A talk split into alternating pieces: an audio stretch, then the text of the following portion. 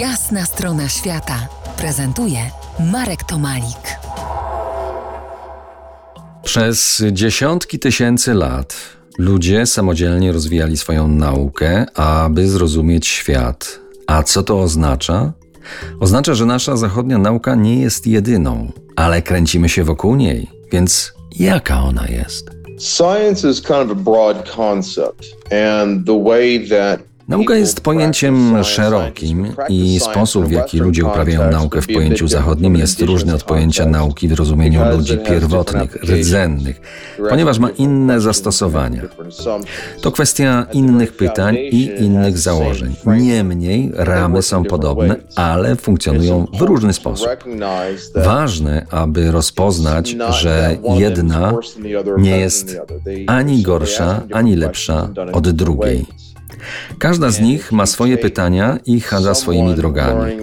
I jeśli wziąć kogoś, kto zagłębia się w jedną z tych dróg, a potem w drugą, to mamy tutaj challenge, mamy wyzwanie. I jeśli wziąć naukowców zajmujących się dla przykładu astrofizyką i wsadzić ich do buszu, aby działali tam dwa miesiące, to raczej to nie zagra, bo ich wiedza o astronomii różni się od wiedzy aborygenów. Zatem wiedza mechaniki kwantowej i teorii względności nie są w buszu niezbędne, gdzie wystarcza obserwacja i czytanie gwiazd. Ale wracając do zrozumienia definicji nauki, to jest takie śmieszne oko, jest y, luksusem historii dla filozofii nauk. Często w czasie zajęć ze studentami na Uniwersytecie w Melbourne pytam studentów, czym jest nauka, a oni śmieją się i potrząsają głowami, bo wiedzą już, że nie ma precyzyjnej definicji nauki jako takiej.